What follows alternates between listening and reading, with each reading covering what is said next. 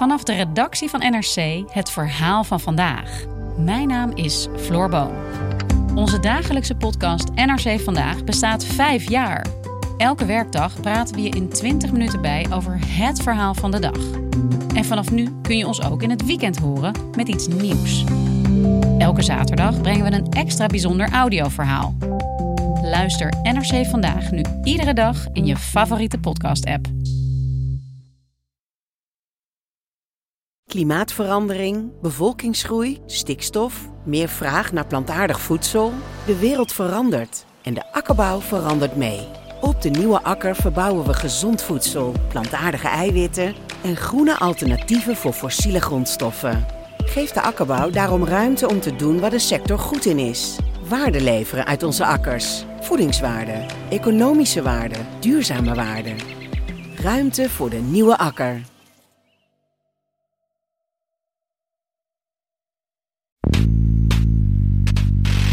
Ik heb gezegd dat ik een stellige voorkeur heb om fractievoorzitter te zijn. Zou het lukken om een regering te hebben met vakministers die op afstand staat van de Kamer, die niet een dichtgetimmerd regeerakkoord heeft, die gewoon gecontroleerd kan worden, dan kun je die hervormingen ook vormgeven vanuit het kabinet. Dan zou ik daar ook kunnen gaan zitten. Op welke plek? Die van minister-president? Als wij de grootste zouden zijn, wat we op dit moment niet zijn, maar dan zou dat ook kunnen, ja. Ja. Maar laat ik het heel precies en duidelijk aan u vragen. Als het gaat zoals u nu schetst, er komt een regering met vakministers dan. Dan, dan is daar de keuze om ofwel in de Tweede Kamer te zitten, ofwel ehm, leiding te geven aan vakministers. Dit is Betrouwbare Bronnen met Jaap Jansen.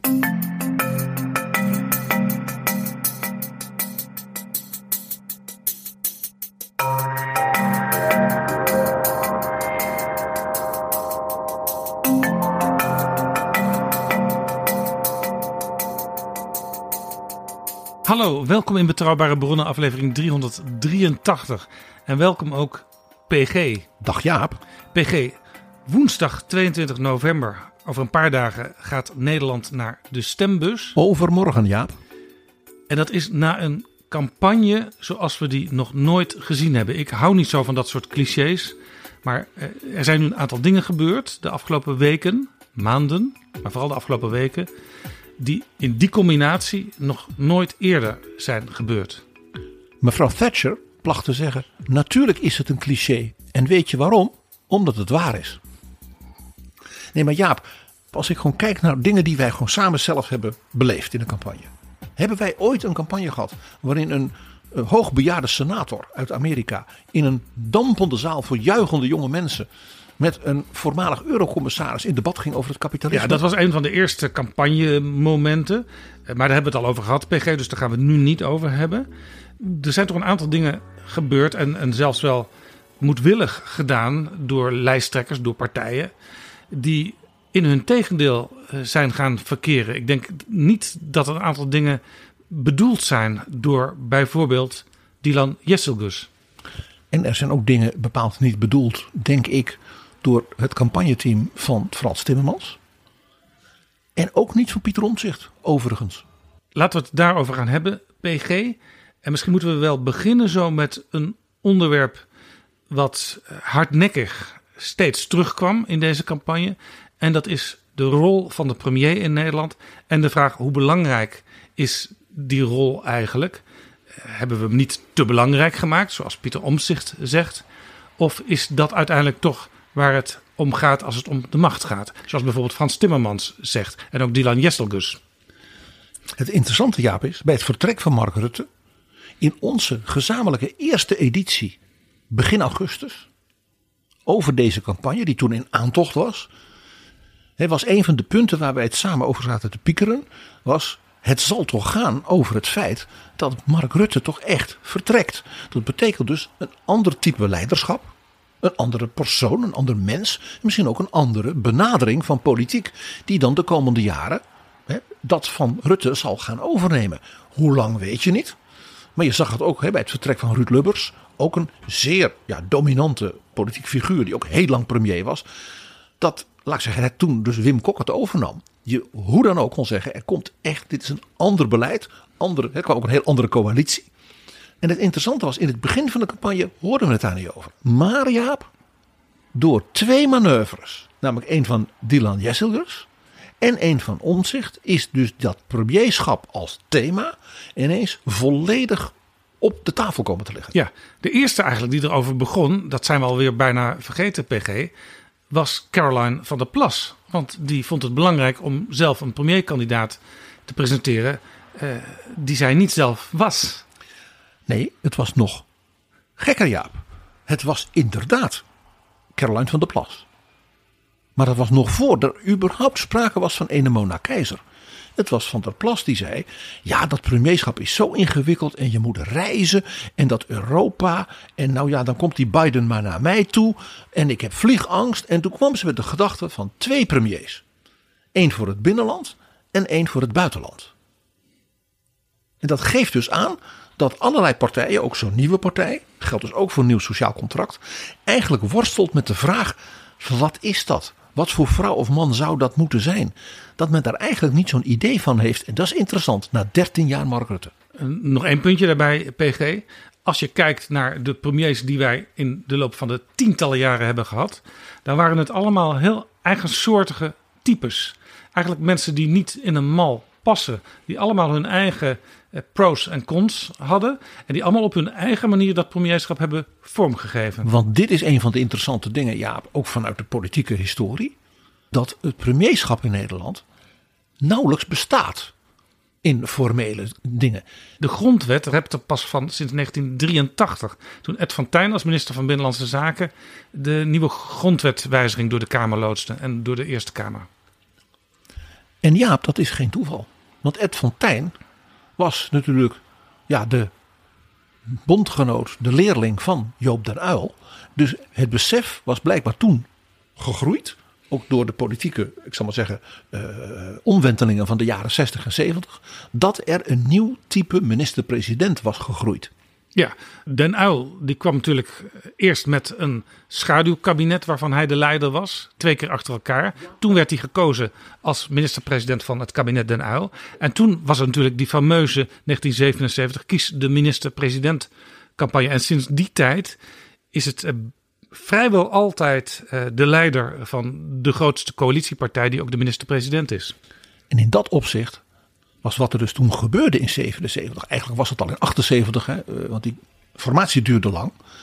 Dat het Dries van Acht was, die dus vijf partijgenoten heeft gebeld en benaderd of zij premier wilde worden in zijn plaats. Maar die wilde niet en toen moest hij het zelf worden. En daarmee is in feite de traditie helemaal gezet. Want het was meteen de keer na Joop den Uyl. En Dries van Acht was in dat opzicht dus nog iemand van de oude katholieke stijl.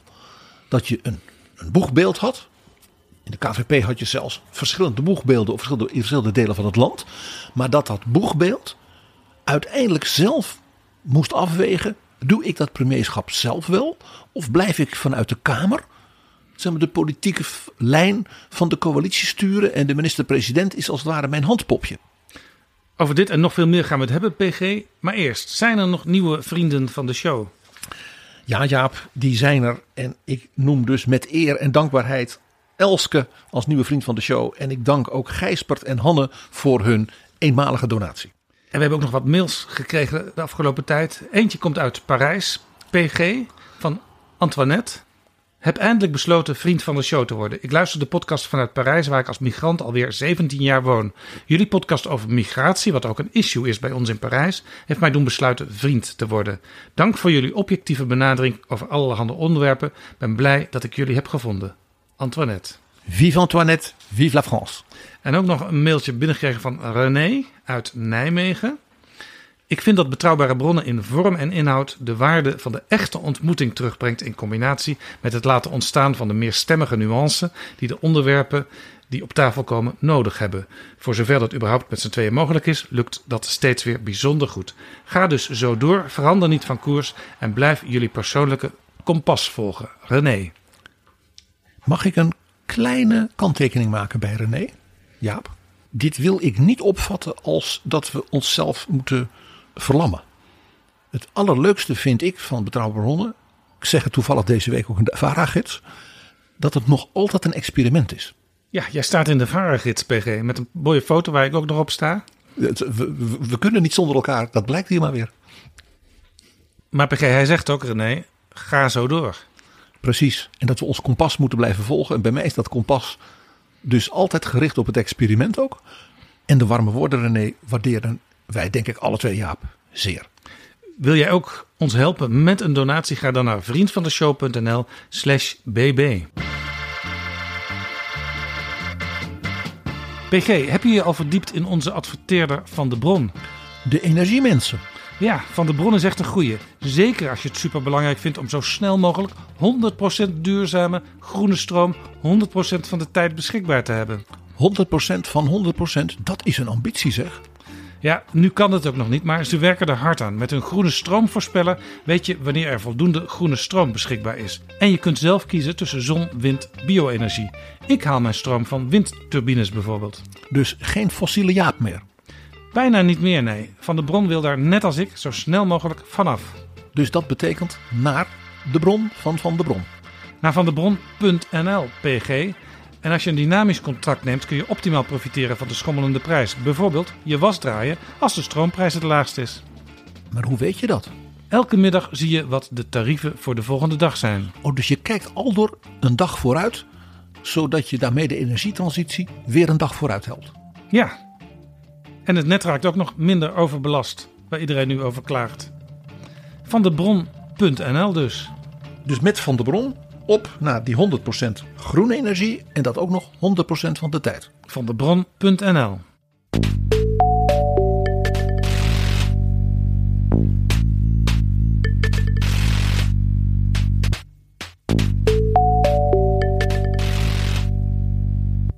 Dit is Betrouwbare Bronnen. PG, in die allereerste campagneaflevering, gedateerd 1 augustus, midden in de zomer. Ik kwam net terug van vakantie. Ik was een paar dagen te vroeg vertrokken. Want ja, ik wist niet toen ik boekte ver daarvoor dat het kabinet zou vallen. Jaap, je weet toch dat in de politiek timing is everything. Maar we hadden het er inderdaad over toen, eh, PG. Ja, een premier vertrekt. Die heeft aangekondigd dat hij niet meer beschikbaar is. En ook niet meer terug zal keren in, in die rol. Hij ging lesgeven, weet je nog? Nou ja, misschien denk ik trouwens tegenwoordig komt zo iemand later dan nog wel weer terug als minister. Kijk naar, naar het Verenigd Koninkrijk. Kijk maar naar Luxemburg. Maar goed, dat is voor later. Rutte weg. Dus een heel nieuw tijdperk. Want ook aan de kop van een nieuw kabinet komt dus een nieuw hoofd. En ja, wij zeiden toen al, hoe je het ook went of keert. Jij hebt, ikzelf ook persoonlijk zeker, meegemaakt het vertrek van Lubbers. Ikzelf in hoge mate het vertrek van Van Acht. En ook eh, het vertrek van Kok en het vertrek van Balkenende. En één ding, het is altijd eh, meer dan alleen maar een persoonswisseling. Het is zeker ook, was dat bij Lubbers het geval, het eind van een tijdperk. In zekere zin was dat van Kok ook, eh, ook met toen de opkomst van Fortuin. En de uit het niets opkomst van Jan-Peter Balkenende. Dus het kan niet anders, zekere zin empirisch, historisch gezien, dan dat ook dit het eind van een tijdperk is. En daarmee het begin van een nieuw tijdperk. Ja, en eh, PG, wij hadden het eh, in diezelfde aflevering over de vraag: dreigt niet voor Dylan Jessilgus dat zij de Ad Melkert van eh, nu wordt? Want ja, Ad Melkert moest als nieuwe leider van de Partij van de Arbeid toch een beetje afstand tot Wim Kok nemen. En het stokje weer overnemen. Eerder had Elko Brinkman dat al gedaan ten opzichte van, van Ruud Lubbers. Maar eh, wat las ik in de Groene Amsterdammer van het afgelopen weekend? Ze waren zich er hiervan bewust van dit gevaar in de VVD. Ik citeer uit een artikel wat Koen van de Ven schrijft. Je herinnert je nog wel, PG, eh, dat Rutte op een gegeven moment eh, bij de Haagse radio zat. In het programma Spuigasten van Ron Vrezen. En dat hij daar zei: Ja, misschien ben ik wel te lang gebleven. En dat was een reactie op uh, Dylan Jesselgus, die dat al gezegd had als nieuwe lijsttrekker. Uh, dus, dus hij zei: Ja, eigenlijk heeft ze wel gelijk. Geen licht daartussen. En in de Groene lees ik nu. Twee dagen voorafgaand aan dit perfecte 1-2'tje kon je campagnemensen van de VVD al horen zeggen: Let maar op, Mark gaat zich ergens de komende dagen mengen in de verkiezingscampagne. Ook dat is vooraf besproken in de partij. De geschiedenis is goed bestudeerd. Niemand wil een machtsoverdracht zoals bij Ruud Lubbers en Elko Brinkman of iets wat lijkt op Wim Kok en Ad Melkert. Maar PG, wat is er sindsdien gebeurd? Kijk, die opmerking van mevrouw Jesselgus. dat Mark Rutte misschien te lang gebleven was. dat was een onderdeel van een breder betoog. wat ze sindsdien al een paar keer heeft herhaald. En ik wil eigenlijk voor de componenten van dat betoog aandacht vragen. Want dat is, zo blijkt ook uit het stuk van Koen. dus zeer wel overwogen, geformuleerd en zeg maar gecomponeerd. Als een kleine aria die ze zingt. Want wat zegt ze? Rutte was natuurlijk een geweldige vent. Maar hij was misschien te lang gebleven. Dat betekende dus dat de VVD zegt: onder Rutte is de VVD zijn profiel kwijtgeraakt. Dat is wat ze zegt. En dat was ook doordat Rutte blijkbaar de neiging had tot waterige compromissen. Ja, dat zei ze. Waterige compromissen. En dat zou nu niet meer gebeuren. En er was nog iets. Uh, zij zei, er was ook sprake van uh, witte vlekken in de perceptie van wat belangrijk was in de politiek. En daar noemde zij het Groningse gasdossier. Ze noemde natuurlijk de hele toeslagenaffaire en alles daaromheen. En ook het migratieverhaal. Ja, wat je dan dus zegt als VVD-leider in een soort recensie van die voorbije 13 jaar. is dat dus zijn mislukt politiek, want dat is gewoon het enige woord. Bankroetverklaring van, van de heer Henk Kamp, de heer Erik Wiebes en de heer Mark Rutte. En dat klopt ook wel, want wat zegt de VVD? Dus deze dagen in zijn uh, campagne-uitingen om, om de kiezers te trekken. Ik lees voor. Met de VVD kunnen we zeggen: we doen het weer goed met elkaar. Oftewel, we doen het niet goed. En de VVD gaat het dus nu weer goed maken. Ja, het gaat om het woordje weer. Ja, en nog zo'n ding, Jaap. De vraag van Dylan aan de kiezer: bent u ook zo klaar met de oude politiek? Ja, wie is de oude politiek? Dat is allereerst Mark Rutte. Dat is erelid van de VVD Henk Kamp. Dat is erelid Johan Remkes. Nou, je, je kunt de, de, de, de lijst zo nagaan. Het is natuurlijk hondsbrutaal om na 13 jaar premierschap, eh, 13 jaar dominantie in de regering, te doen alsof je een volstrekt een nieuwe partij met een hele nieuwe koers bent en op het affiche zet nieuwe politiek. Maar wat je dus in feite zegt, je zegt ik zet die hele politiek, maar ook die stijl en daarmee ook die personen bij het oud vuil. Inclusief dus al die VVD'ers, inclusief Rita Verdonk, die verantwoordelijk zijn geweest voor het migratiebeleid inmiddels decennia. Ja, in de Groene Amsterdam staat een heel groot verhaal van Koen van de Ven, waar ik net al uit citeerde. Hij is op stap geweest onder andere met Sophie Hermans, de fractievoorzitter in de Tweede Kamer. Die was steeds bereid op bijeenkomsten om met de achterban te praten tot het midden in de nacht was. Van hoe staan jullie nu tegenover de partij? Wat vinden jullie van de partij? Hoe gaat het? Ik kreeg heel vaak de vraag, zegt Sophie Hermans, wat is nou ons verhaal? Het is ook een beetje de echo van, ja, visie is iets wat het zicht op, uh, op, op de ruimte maar in de weg staat. Van Rutte. Ze hebben niet gewerkt al die jaren aan een visionair VVD-verhaal. En je ziet hier dus, impliciet dus ook in de woorden van Sophie Hermans, dat de VVD, als het ware, is begonnen. En dat is onmiddellijk opgepikt door anderen. Uh, want ja, dat hoeft het maar één keer te doen hè, als uh, de grootste partij van dus de vertrekkende premier. Uh, Mark Rutte te verbannen uit het debat. De VVD, Dylan Jesselgus, wil eigenlijk gewoon niet aan Mark Rutte herinnerd worden. En dat doe je dus door het zo te doen. En het was dus ook niet toevallig dat bijvoorbeeld Henry Bontebal van het CDA, dat die zei, ja, een van de dingen waarom we in deze campagne het nadrukkelijk moeten hebben over de grote thema's, hè, zoals hij met zijn lezingen en, en de debatten die hij wil. Uh, hij zegt, omdat visie, ik citeer letterlijk, was 13 jaar lang een probleem voor bij de opticien. Ja, opmerkelijk ook in de VVD-campagne is dat Rutte wel gefolderd heeft eventjes, een paar uur. Maar dat dat nooit in het bijzijn van Dylan Jessilgus was. Die twee scheiden ze echt letterlijk van elkaar. Ook interessant vond ik hoe Frans Timmermans dus dit signaal van mevrouw Jessilgus oppikte. Die begon namelijk Mark Rutte te prijzen. Want die had dus door. Die Jessilgus die wil vooral dat Rutte niet als het ware in beeld is, niet genoemd wordt, ook letterlijk niet in beeld is. Dus wat zei Frans Timmermans? Kijk, Mark Rutte ik was natuurlijk, PvdA-man, ik was natuurlijk heel vaak ook niet met hem eens. Eh, een flinke debat natuurlijk ook hè, vanuit de Europese Commissie met Nederland. Maar eh, met zo'n ondertoon van, maar daar kunnen we goed tegen. We zijn volwassen politici. Maar hij onderstreept nog, vaak niet met hem eens, maar Mark Rutte is wel en was ook echt een hele fijne vent. ja, het is alsof hij, als het ware, in het crematorium hè, toesprak voordat de kist van Rutte ging zakken. Nou ja, eh, ook een beetje van eh, dat optimisme, dat positivo-achtige van Rutte. Dat wil Timmans ook een beetje het zijne maken, zegt hij hiermee. Hij- Dat was waar, waarmee Rutte toch bij veel Nederlanders uiteindelijk, wat voor kritiek je ook op hem kon hebben, uiteindelijk toch wel vaak ja, als een van ons werd gezien. Het was Frans Timmermans die zei: Ik wil dat we de swag terugkrijgen. Daarmee bedoelde hij eigenlijk iets van dat altijd weer, elke ochtend weer fris, met het appeltje op het fietsje van Mark Rutte.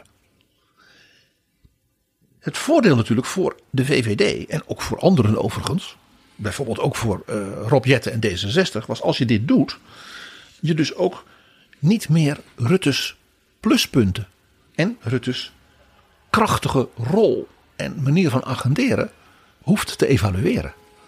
Want, want dat is natuurlijk wat, wat, wat Jesse Wils doet. Ze zegt witte vlekken, eh, waterige compromissen. Daarmee heeft ze dus de evaluatie gegeven.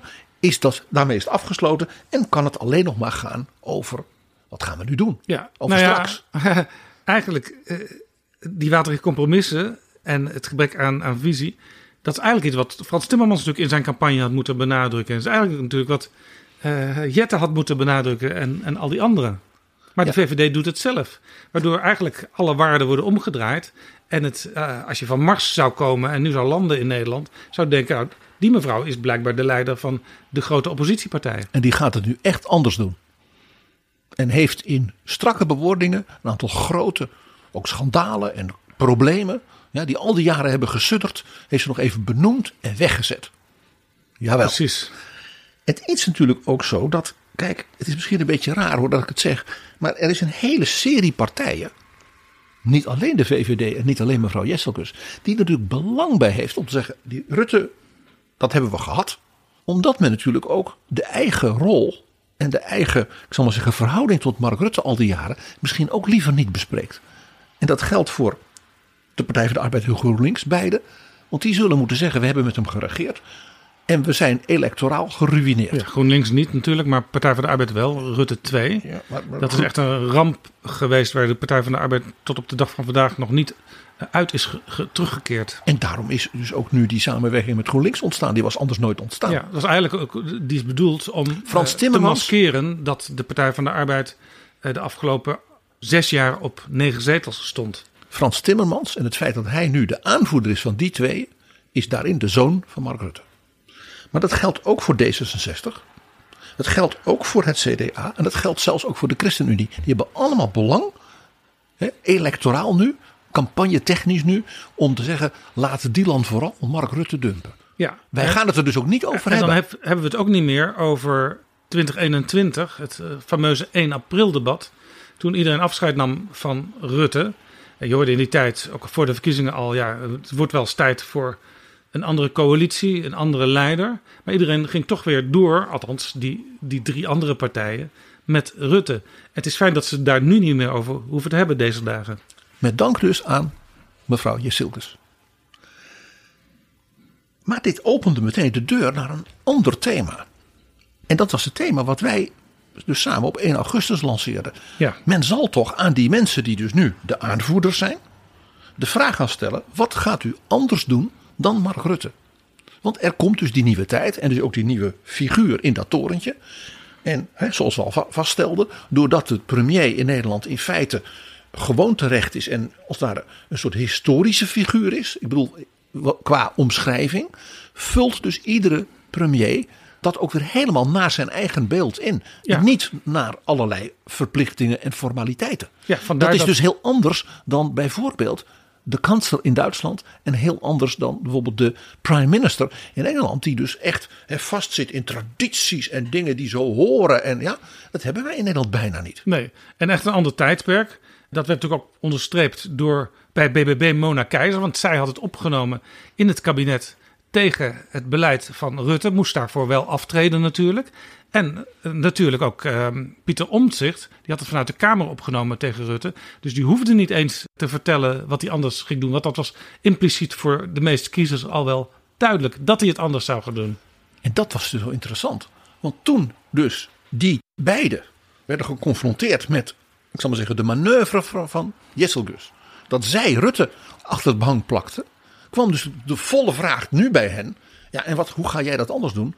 Van Mona Keizer hebben we niets gehoord, letterlijk niets gehoord, over hoe zij nou dat premierschap zou invullen en waarin dat zou anders zou zijn dan Mark Rutte, behalve natuurlijk dat ze een vrouw is. Ook daar heeft ze het niet over gehad. Bij Omtzigt is het nu nog boeiender, want zijn gedachte van er moet goed bestuur komen, waarmee dus impliceerde Mark Rutte stond voor slecht bestuur, werd vervolgens dus niet geconcretiseerd en uitgewerkt. Want Omtzigt ging zelfs zeggen: Ja, ik weet eigenlijk niet dat premier. Ja, misschien doe ik het wel zelf niet. Nou, ik heb gezegd dat ik een stellige voorkeur heb om fractievoorzitter te zijn. Ik ga u ook nog niet vertellen wie het dan wel zou doen. En uiteindelijk kwam dus dat thema goed bestuur ook nooit verder dan korte samenvattingen van zijn boek van twee jaar geleden. Ja, dat goed bestuur is dus heel erg, uh, is heel erg in structuren gedacht. Er moeten allerlei dingen anders afgesproken worden, zoals we dat in Nederland regelen. Maar ja, als je het, het echt anders wil doen, dan moet ook de cultuur natuurlijk van het eh, premierschap, van de invulling daarvan anders. Ja, en, en als je dus vooral institutionele, formalistische oplossingen aandraagt, of het nou een constitutioneel hof is of uh, een districtenstelsel of wat dan niet, dan heb je nog niks gezegd over het besturen door die premier en de ministers. Nou ja, hij zei gisteren in Buitenhof ik zou vooral voor me zien een kabinet waar nu een aantal experts in plaatsnemen. We hebben de afgelopen jaren eh, ministers gezien die eh, op het laatst totaal afstand nemen van een beleid. Terwijl de oppositie al zei, joh, dit beleid klopt niet. Het meest sprangende voorbeeld de afgelopen week was minister Adema. Die zei, het stikstofbeleid op basis van die modellen is totaal doorgeschoten. Nou, dat zei een deel van de oppositie al heel lang. Vooral Caroline van der Plas, ondergetekend ook. Daar hebben we de halve vissersvloot op afgedankt. Terwijl die 80% minder stikstof uitstoten. Daar hebben we de verkeerde boerderijen mee opgekocht. En in plaats dat je een vakminister hebt die stevig in zijn schoenen staat, heb je iemand die aan het eind zegt: ja, dit hadden we niet moeten doen. Dus u zou een kabinet willen met, met vakministers? Ja, mensen dus, die weten waar ze het over hebben? Ja. En op de vraag van Twan Huis of hij dat dan zelf zou willen doen als premier, zei hij een paar keer. Nou, ik heb gezegd dat ik een stellige voorkeur heb om fractievoorzitter te zijn. Als het echt zou lukken met die vakministers, dan zou Omtzigt het willen overwegen zou het lukken om een regering te hebben met vakministers die op afstand staat van de Kamer. dus die niet, die niet een dichtgetimmerd regeerakkoord heeft, die gewoon gecontroleerd kan worden. Dan kun je die hervormingen ook, ook vormgeven vanuit het kabinet. Dan zou ik daar ook kunnen gaan zitten. Op welke plek? Die van minister-president? Als, ik de grootste, als wij de grootste zouden zijn, wat we op dit moment niet zijn, maar dan zou dat ook kunnen, ja. ja. Maar laat ik het heel precies en duidelijk aan u vragen als, aan die, als het gaat zoals u nu schetst, er komt een regering met vakministers dan. Dan, dan is daar de keuze om ofwel in de Tweede Kamer te zitten, ofwel um, leiding te geven aan vakministers. Want dat is wat we op dit moment nodig hebben. We hebben maar dan, als ik u mag onderbreken, dan zou u er dus voor openstaan om minister-president van zo'n kabinet te worden? Dat heb ik gezegd. Hè. Ik, ik heb een stellige voorkeur, maar dan sta ik ervoor open. Nou, enorm nieuws werd ervan gemaakt. Maar ik denk dat het helemaal niet gaat gebeuren. Dat anderen het helemaal niet willen. Alleen maar vakministers. Vaak is een kabinet, zoals het afgelopen kabinet, een mengvorm. Bijvoorbeeld de minister van Volksgezondheid, de minister van Onderwijs. Maar niet allemaal, want je hebt natuurlijk ook wel mensen met uh, politiek vernuft nodig. En als je dan ook nog pleit voor een minderheidskabinet, wordt het nog interessanter. En dus krijgen we nu ineens een hele interessante discussie. Als we dus eigenlijk niet horen hoe ze het anders zullen gaan doen dan Mark Rutte, komt dan de vraag van wat zijn we dan nu aan het doen? Afgelopen zaterdag had Pieter Omtzigt een interview in de Volkskrant. Daar wordt hem voorgelegd dat in zijn verkiezingsprogramma een cruciale rol wordt toegedicht aan de premier. Die moet ook het goed bestuur onder zijn hoede gaan nemen. Die wordt daarvoor eh, verantwoordelijk. En hij moet ook in de Europese Unie allerlei andere beleid en vooral ook een andere vorm van samenwerking afdwingen. Is het torentje dan niet een logische plek voor u om uw idealen te verwezenlijken? vraagt de Volkskrant. En dan zegt Omtzigt: We dringen de rol van de premier, wat mij betreft, terug. hebben de afgelopen jaren ten onrechte te maken gehad met een minister-president die op cruciale tijdstippen alleen besluiten heeft genomen of in een heel kleine kring, terwijl dat grondwettelijk niet kon. De macht moet terug naar de Kamer. En daarbij kwamen in de discussie eigenlijk drie, zeg maar, redeneerlijnen op tafel. Eén, ja, maar het zijn toch de Kamerverkiezingen? We kiezen toch geen premier? Wat natuurlijk een dooddoener is, want niemand beweert dat we een premier kiezen. Er wordt aan mensen die zich presenteren aan de kiezer gevraagd: als u straks in de Kamer zit, wat voor type beleid mogen we dan verwachten? En wat is dan het type boegbeeld dat bij dat beleid past? Tweede is, dat was dus omzicht, en dat hoorde je nu ook uit de Volkskrant. Ja, we denken daar nog over na. En dan het derde punt. Die premier is toch helemaal niet zo belangrijk. Als je een goede technisch voorzitter van de ministerraad hebt, dan ben je al een heel eind. Ja, eh, Omtzigt eh, zegt zelfs, als hij een premierkandidaat zou mogen voordragen, dat dat misschien zelfs iemand is die helemaal niet op zijn lijst staat. Dus niet alleen niet hij zelf, maar ook niet iemand van zijn lijst. Ja, dat bracht mij op de gedachte om maar niks van Rij te vragen of hij beschikbaar was. Ja, in de vorige aflevering. Maar Jaap, weet je dat er iemand is die van deze redenering, ja, die minister-president, ach, die daar de, de meester in was. Oh jee, PG, jij pakt het boek De Tand des Tijds erbij. Ja, en ik ga naar bladzijde 160. Want die meester van zo redeneren over het premierschap was Mark Rutte.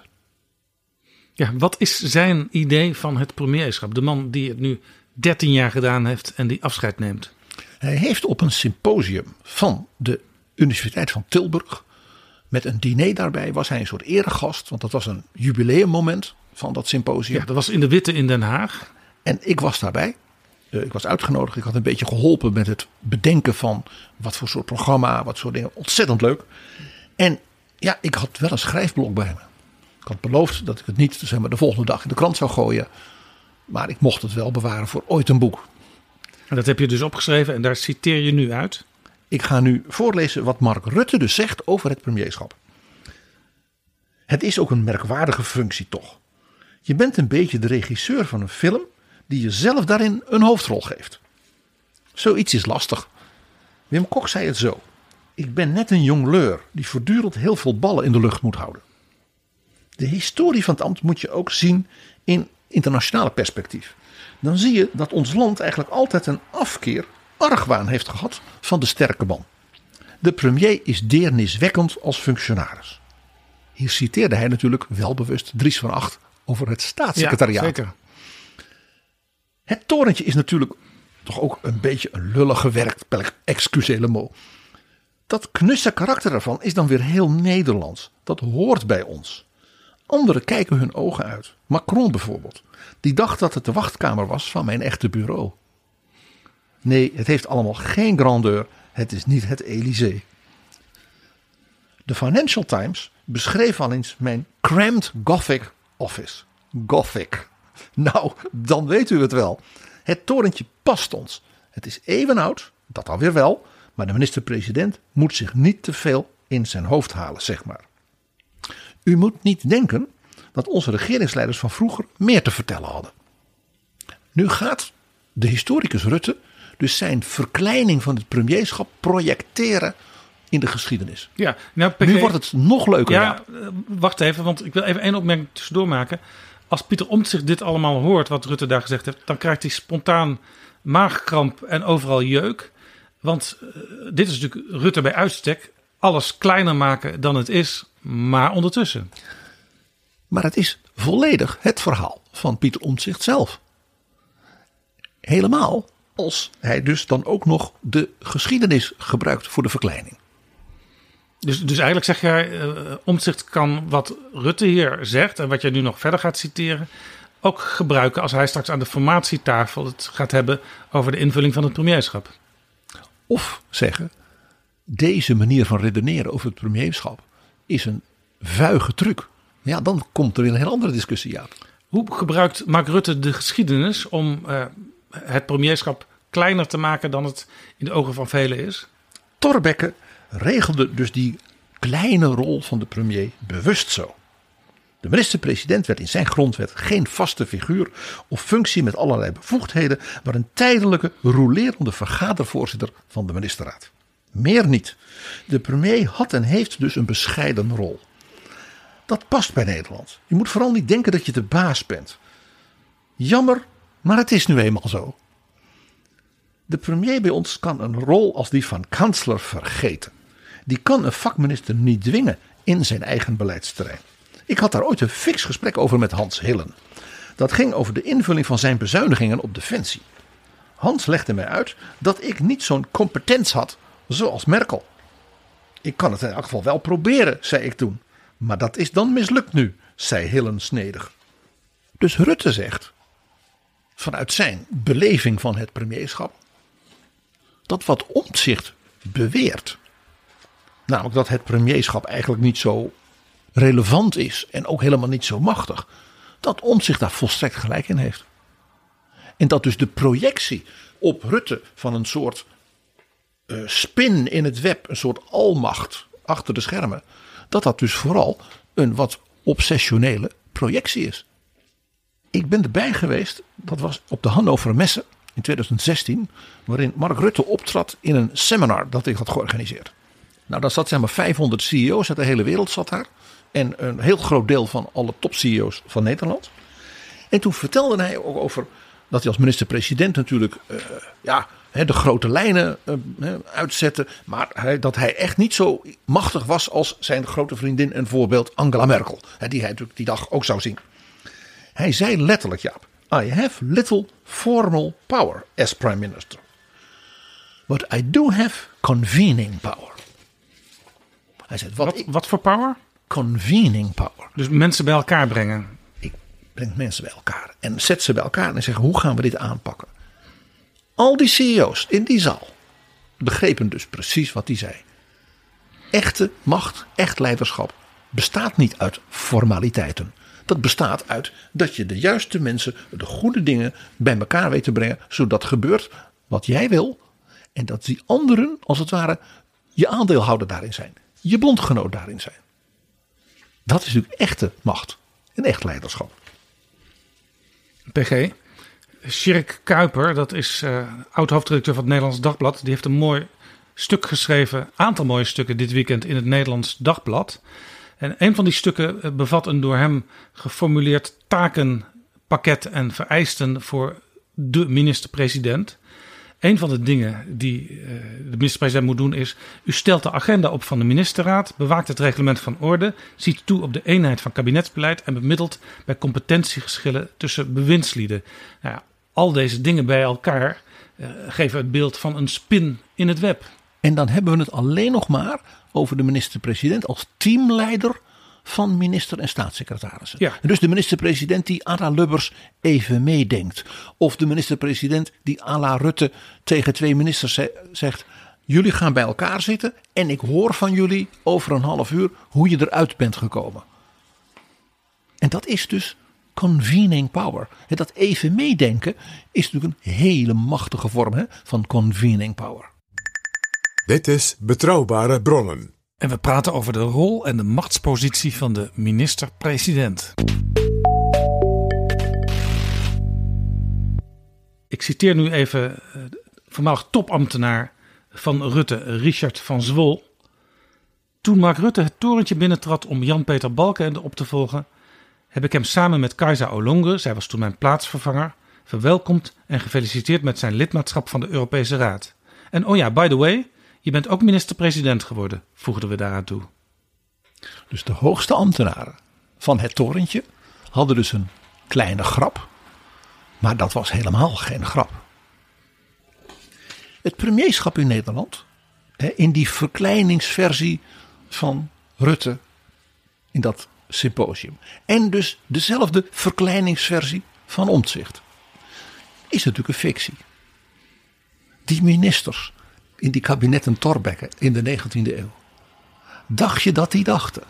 Dat ze dus elk half jaar of elk jaar dan weer een tijdelijke technische vergadervoorzitter kozen. Bij het aanwijzen van minister van Binnenlandse Zaken Johan Rudolf Torbekke als hun voorzitter.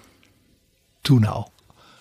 dacht je dat Abraham Kuyper, Abraham de Geweldige, hè, als minister-president eh, optrad als een primus inter pares? Wat dacht je van Hendrikus Colijn? Zodra in Nederland bijna iedereen een radio had, wie zorgde dat zijn stem op de radio te horen was? Premier Colijn. Daarom maan ik nog eens aan om zich niet te laten verontrusten. Het is beter dat men later getuigen moet dat de regering wel heel erg voorzichtig is geweest, dan dat haar met hoegere kans ook later verweten zou kunnen worden dat ze gedut had in een tijd dat waakzaamheid plicht was. Ik verzoek de luisteraars dan ook om wanneer ze straks hun legersteden opzoeken, even rustig te gaan slapen als ze dat ook andere nachten doen. Er is voorshands nog geen enkele reden om werkelijk ongerust te zijn. En daarmee, geachte luisteraars, laat ik u over aan de verpozen die de radio u plicht te bieden.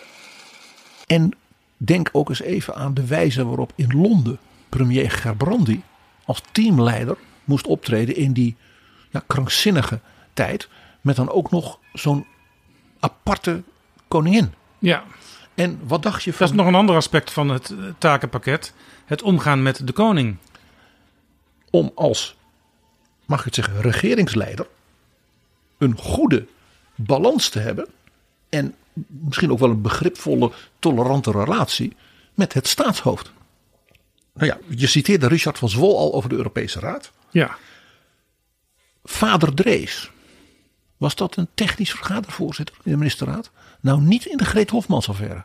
Om eens wat te noemen. heel veel Nederlanders die dachten dat ze het aan Drees persoonlijk te danken hadden dat zij een goed eh, staatspensioen zouden krijgen. De AOW was van vader Drees. Het feit alleen dat hij vader werd genoemd. Vader Drees. Dus dat was een hele affectieve, maar ook afstandelijk familiale En mensen, die hem, en mensen die hem rond het middaguur op straat zagen lopen in Den Haag, op weg naar huis voor het middagboterhammetje, die dachten het land is in goede handen bij die man.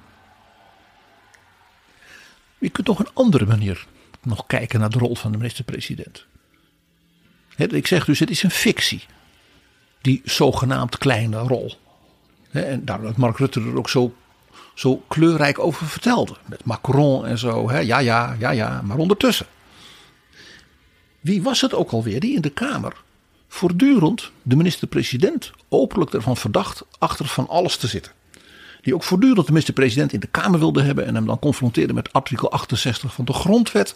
Dat de minister-president verplicht was van alles ja, te doen en publiek te maken. Dat was natuurlijk Pieter Omtzigt. Ja. Wie was het die niet bij de VWS, maar bij de premier ging lobbyen voor Siewert en zijn mondkapjes? Pieter Omtzigt. Ja.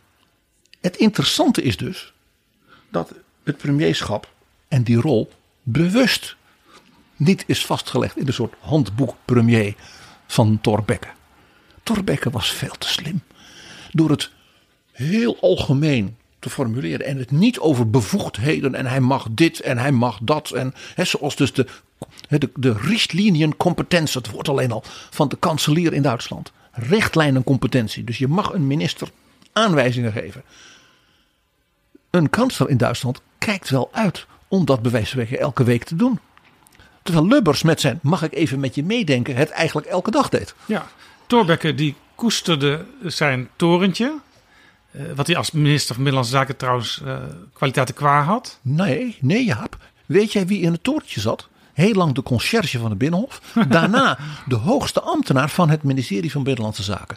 Toen Thorbecke minister en dus nu zouden zeggen premier werd. Heeft hij die ambtenaar gewoon op straat gezet. Die heeft gezegd ga maar elders een bureau vinden hier op het Binnenhof. Ik ga in het torentje zitten. Het was de cockpit van de macht. Waarbij hij dus gewoon zichtbaar kon zien En iedereen zichtbaar kon zien, die man zit daar en hij houdt ons allemaal in de gaten en in de greep en bij de lurven. Met uitzicht op eh, het meer waarover Rutte het had tegenover Macron. Hij koesterde het torentje dus, Thorbecke.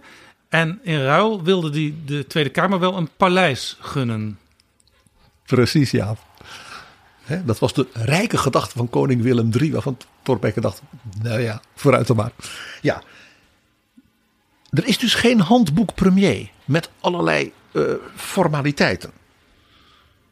Maar, jij wees er al op dat er wel degelijk, als er een aantal reglementen van orde dingen zijn, waarin de premier dus wel degelijk bevoegdheden heeft. De combinatie van dat dat niet beschreven is, hè, conform Thorbecke, met die paar formaliteiten, maakt dus die convening power dus zo machtig. De premier kan als het ware die functie tot een maatkostuum voor zichzelf maken. Ja, En de ene premier is daar ja, zichtbaar eh, ja, krachtiger in dan de andere. Hè, bij Lubbers was het natuurlijk onmiskenbaar het geval. Bij Rutte ook. ja. Ik vond zelf persoonlijk, bijvoorbeeld bij Jan-Peter Balkenende, was dat veel minder obvious. Nee, het was natuurlijk ook zo in de tijd van, van Lubbers gebeurde er internationaal en ook in Europa heel veel. Eh, waardoor eigenlijk als vanzelf eh, die functie steeds belangrijker werd. Hij kreeg daar ook ruzie over met zijn minister van Buitenlandse Zaken, Hans van den Broek. En tot dan ging vooral Buitenlandse Zaken over Europa. Het is heel interessant wat je hier aanstipt, Jaap. Het is Lubbers geweest die geprobeerd heeft, dus anders dan Thorbecke, te formaliseren dat dus de verhouding tussen de minister-president en de minister van Buitenlandse Zaken ten aanzien van het internationaal beleid en in het bijzonder Europa, maar dat gold ook, denk aan de kruisraketten, de NAVO en dergelijke, om dat als het ware vast te leggen.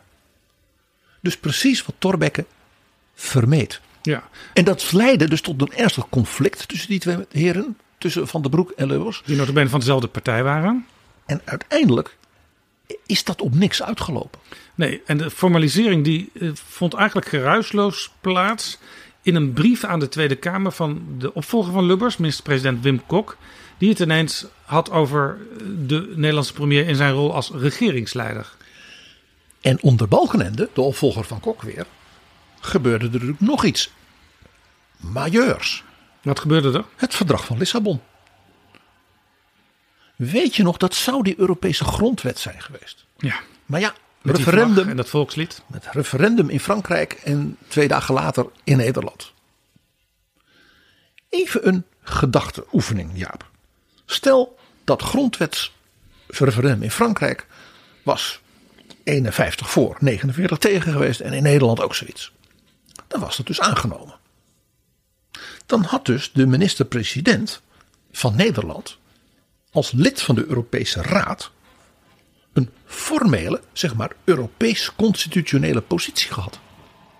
Ja. Dat had onmiddellijk ertoe geleid dat in Nederland, men had gezegd, dan moet er in Nederland een Europawet komen door beide kamers, die als het ware het verdrag van Lissabon vertaalt naar, en wat betekent dat voor de Haagse verhoudingen? Die dat nader invult voor Nederland.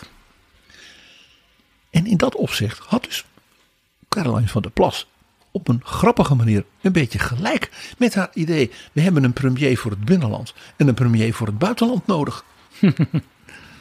Want wat is het effect geweest van dus het verdrag van Lissabon, hè, wat uiteindelijk uitonderhandeld werd hè, na, na die referenda? Dat is dat de premier dus nu bij verdrag lid van de Europese Raad is. En daarmee geen primus inter pares meer is.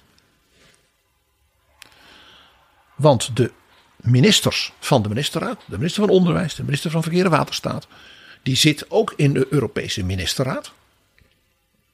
Met de collega's en doet van alles. Doen heel veel goed en nuttig werk. Maar de Europese Raad is niet een ministerraad Europees van zeg maar, de ministers van Algemene Zaken. Nee. Dat is de samenkomst van de regeringsleiders. Dus niet de Franse premier, maar Macron. En daarmee is de Nederlandse minister-president, eerst Balkenende, nu Rutte, een gelijke geworden als regeringsleider in de taal van Wim Kok van Joe Biden, Xi Jinping, Vladimir Poetin. En ze treden ook zo op. De manier waarop de minister-president nu zoals recent, naar Biden gaat en gewoon Biden op kantoor zegt: ja, oké, we sluiten een alliantie. USA, Japan, Nederland, rondom, ik zal maar zeggen, ASML-achtige bedrijven. En in relatie tot China. de telefoon van Biden eh, aan zijn oorschelp legt. Zoals hij trouwens bij, bij Trump natuurlijk eh, vrij snel in het gesprek al no, no, no, no Ja. riep. Ja. Sommigen die vonden dat nog wat te ver gaan. Maar het past dus bij de nieuwe rol die in de loop van de decennia is gegroeid voor de Nederlandse premier. En het interessante is, doordat het dus in een verdrag is vastgelegd en niet in die grondwet, is eigenlijk die convening power kant van het premierschap nog verder versterkt. Want als het in dat, al die grondwet had gestaan, had je gezegd: oké, dat zijn dus nu formaliteiten, bevoegdheden zijn geformuleerd, dus dan gaan we dat ook in Nederland doen. Maar doordat het niet die grondwet was, is de premier dus in zekere zin nog machtiger geworden. Ja, en het is dankzij dat verdrag in Als- plaats van de grondwet. Als verdrag is het ook meteen bindend recht voor Nederland.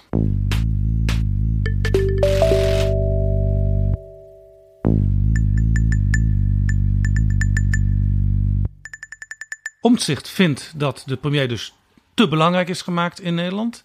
Hij wil hem zowel nationaal als in Europa aan banden leggen vanuit de Tweede Kamer. Nou, ik heb gezegd dat ik een stellige voorkeur heb om fractievoorzitter te zijn.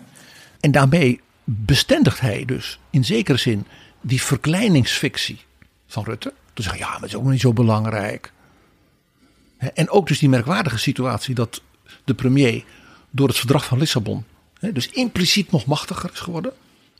Terwijl het leek alsof het kleiner was dan zo'n grondwet. Ja, De gedachte die hierachter zit, is een heel klassieke van Pieter Omtzigt.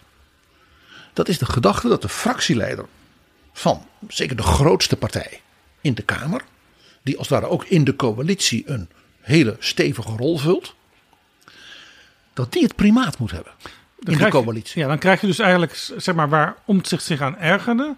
Namelijk een monisme vanuit het torentje richting de Tweede Kamer. De coalitieleider bepaalt in feite de koers van het land. Wordt omgedraaid naar een monisme vanuit de Tweede Kamer. Waar fractievoorzitters met elkaar praten over wat het kabinet moet doen.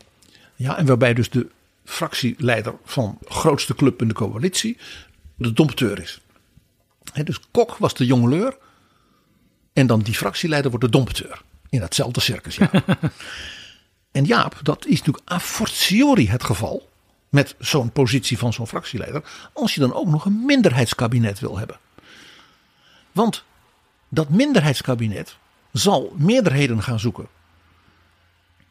En één ding is duidelijk. Als dus de minister-president moet worden teruggebracht in dat hok van dat torentje. Ja. Dan gaat dus die fractieleider in de Kamer die meerderheden fabriceren. Ja, interessant. In En informeert dan Ja. het torentje of de vakminister. Nou, ik heb nu een meerderheid voor jouw plan gevonden. mits je dat puntje bijvoorbeeld loslaat. Ja, eh, eh, doet mij een beetje aan Amerika denken. Daar heb je natuurlijk in.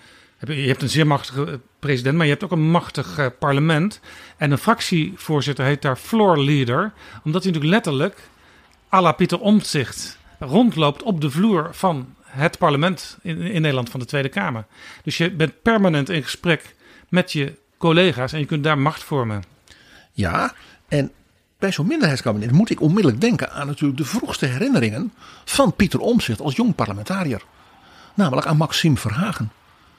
Dat was typisch zo'n krachtdadige, eh, ja, door en door ervaren politiek dier. Fractieleider van de toen door een grote overwinning plotseling weer heel groot geworden CDA-fractie. Ja, toen Balkenende premier werd. En dat eerste kabinet van Balkenende met de LPF was in zekere zin, ook doordat die LPF helemaal in elkaar donderde, een soort minderheidskabinet van CDA en VVD met nog wat. Dus dat is, dat is één kant bij, bij een minderheidskabinet. Dat, dan krijg je dus een Maxime Verhagen-achtige rol terug. Ja, hij Maar- moest dus in feite ook eh, de premier van zijn eigen partij, Balkenende, toen stutten vanuit de Kamer. Wat dus past bij de redenering van die premiers. Die, die moet maar afwachten wat de Kamer dan wil. En dan wordt hij overeind gehouden vanuit de Kamer. Dit dus bij het minderheidskabinet waar Omtzigt voor zegt te voelen. Maar we hebben natuurlijk deze figuur van dus die machtige fractieleider. Hè, die op dat achterste bankje zat in de Tweede Kamer. En keek hoe de ministers opereerden. Zelfs hoe de premier opereerde. En van daaruit, als het ware, was hij dan de spin in het web. Dat hebben we natuurlijk in Nederland heel lang gehad. Dat is heel lang het normale politieke gebruik geweest. In de glorietijden van de macht van de Rooms-Katholieke Staatspartij. En in de naoorlogsjaren van de Katholieke Volkspartij. Ja, toen hadden we Karl Romme en later ook zijn opvolger Norbert Schmelzer. En in die de jaren- vanuit de achterste bankjes de boel regisseerden. En de grote leider van de, de Rooms-Katholieke Staatspartij in die vooroorlogsjaren, dat was de heer Nolens. Die nooit premier werd, omdat hij namelijk een priester was. Wiel Nolens. Ja, dat was een priester. En de Rooms-Katholieke Kerk, het Vaticaan, verbood eh, dat priesters een rol vervulden in politieke zin in een liberale democratie. Daar stond namelijk in die tijd nog altijd het Vaticaan kritisch tegenover. Maar uit de je mocht vroege wel in de 19e Tweede eeuw. Kamer zitten. Ja, dat mocht dan wel. Want dat was toch een soort van deeltijdbaan in die tijd. Ja, dat, daar is dus ook uitvoerig in de 19e eeuw dus over geworsteld in de katholieke kring. En Jaap, en dan stop ik wel, want dat is het. Anders, eh, Maar dat is helemaal een voorbeeld van Ja. het klein maken. Je stelt dus niks voor, maar ondertussen regisseer je alles vanuit je bankje. En dat was dus hoe Karel Romme als leider van de KVP in de jaren 50 opereerde. Die Romme die wou helemaal geen minister worden. Dan was je niet machtig genoeg. Nee, sterker nog, hij was extra machtig omdat hij ook nog in de Volkskrant zijn dagelijkse hoofdcommentaren schreef. Waarin hij dus weer leek op Abraham Kuyper. Dat was natuurlijk een belangrijk echo van. Ja, dat was natuurlijk de, de, de geschiedenis van ons land en onze parlementaire democratie. Had dus dat soort figuren. Ja, En Schmelzer was daarin dus een interessante overgangsfiguur. Want die volgde Rommel op. En is uiteindelijk, toen hij dus merkte dat die rol van de fractievoorzitter van de KVB, dat die veranderde ook met de veranderde tijd van de jaren 60. Toen is Schmelzer minister van Buitenlandse Zaken geworden. ja, hij heeft eerst nog het kabinet Kals laten vallen van zijn eigen partij. dat was nog in de klassieke jaren 20 Nolens, jaren 50 Rommestijl. Maar hij liet het kabinet ook vallen omdat hij zijn zin niet kreeg. En dat, daar bleek dus eigenlijk al uit dat het een beetje afgelopen was met die regierol vanuit de Tweede Kamer. Dus in zekere zin, Pieter Omzicht, en dat past natuurlijk bij dat grondslagdocument van Nieuw Sociaal Contract. Wat ik alles analyseerde, dat dat doordezemd is van het katholieke politiek-sociale denken van de jaren 20 en de jaren 50 van de vorige eeuw. Dus de decennia van en Nolens en Romme. Ja, heel interessant. Onlangs werd Nolens nog aangehaald door Frans Timmermans, maar om een andere reden. Eh, die had namelijk ook de regel alleen regeren met de socialisten in uiterste noodzaak. Dus als het echt niet anders kan, dan ga je met ze praten, dan ga je met ze samenwerken. En dat is wat Timmermans recent heeft ontdekt, is bij Omtzigt ook het geval. En bij Nolens kwam dat natuurlijk door de revolutiepoging van Troelstra in 1918. Ja, Want die viel samen met de introductie van het algemeen kiesrecht, waardoor die Rooms-Katholieke Staatspartij zo groot en machtig werd. Dus Omtzigt wil Nolens zijn. Eh, Hij wil Romme zijn, hij wil misschien ook wel een beetje Smeltzer zijn. En in zo'n gedoogachtig minderheidskabinet een beetje een Maxime Verhagen. Nou, ik heb gezegd dat ik een stellige voorkeur heb om fractievoorzitter te zijn. Dus dat wordt interessant, Jaap. Hoe we dus, vooral na de Kamerverkiezing, misschien dus een redesign in de formatie gaan meemaken van de rol van de premier. En waarbij dus ook wel weer kon gelden dat beroemde adagium uit de tijgerkat van Lampedusa. Alles moet veranderen, opdat alles hetzelfde zal blijven.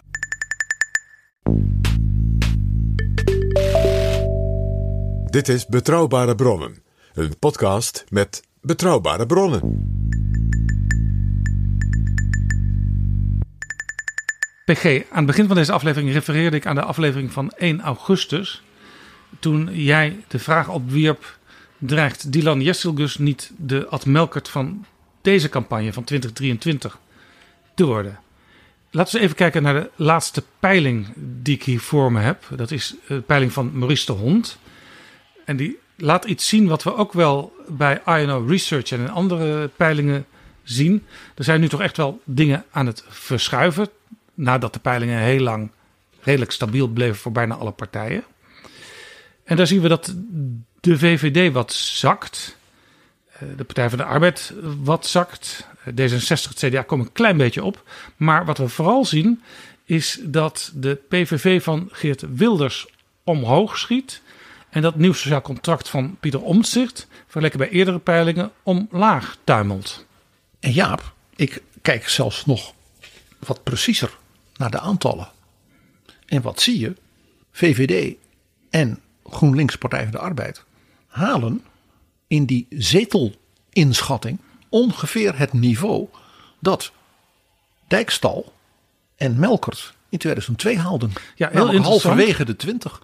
2002 VVD 24 zetels. Partij van de Arbeid zonder GroenLinks 23 zetels. En de LPF van Fortuyn haalde toen 26 zetels. En wat zien wij nu? We zien de PVV op 26 en we zien nieuw sociaal contract daar wat onder ongeveer even groot als Partij van de Arbeid en GroenLinks. En dat is opmerkelijk, want dit betekent in feite dat onder Jesselgus de VVD eigenlijk de complete winst van zowel de jaren van Mark Rutte als de jaren van Frits Bolkestein kwijt is. Ja, Rutte was natuurlijk bij de vorige verkiezingen al wat gezakt ten opzichte van, van eerdere successen. Maar in deze peiling, voor wat het waard is, acht zetels omlaag vergeleken met de uitslag van 2021 voor de VVD. Ik kijk naar een veel langer eh, geheel, dat heb je met historici. Ik kijk naar hoe de VVD als het ware in de tijd van Bolkestein echt een grote partij werd. En onder Rutte nog meer. En men is dat dus dan helemaal kwijt.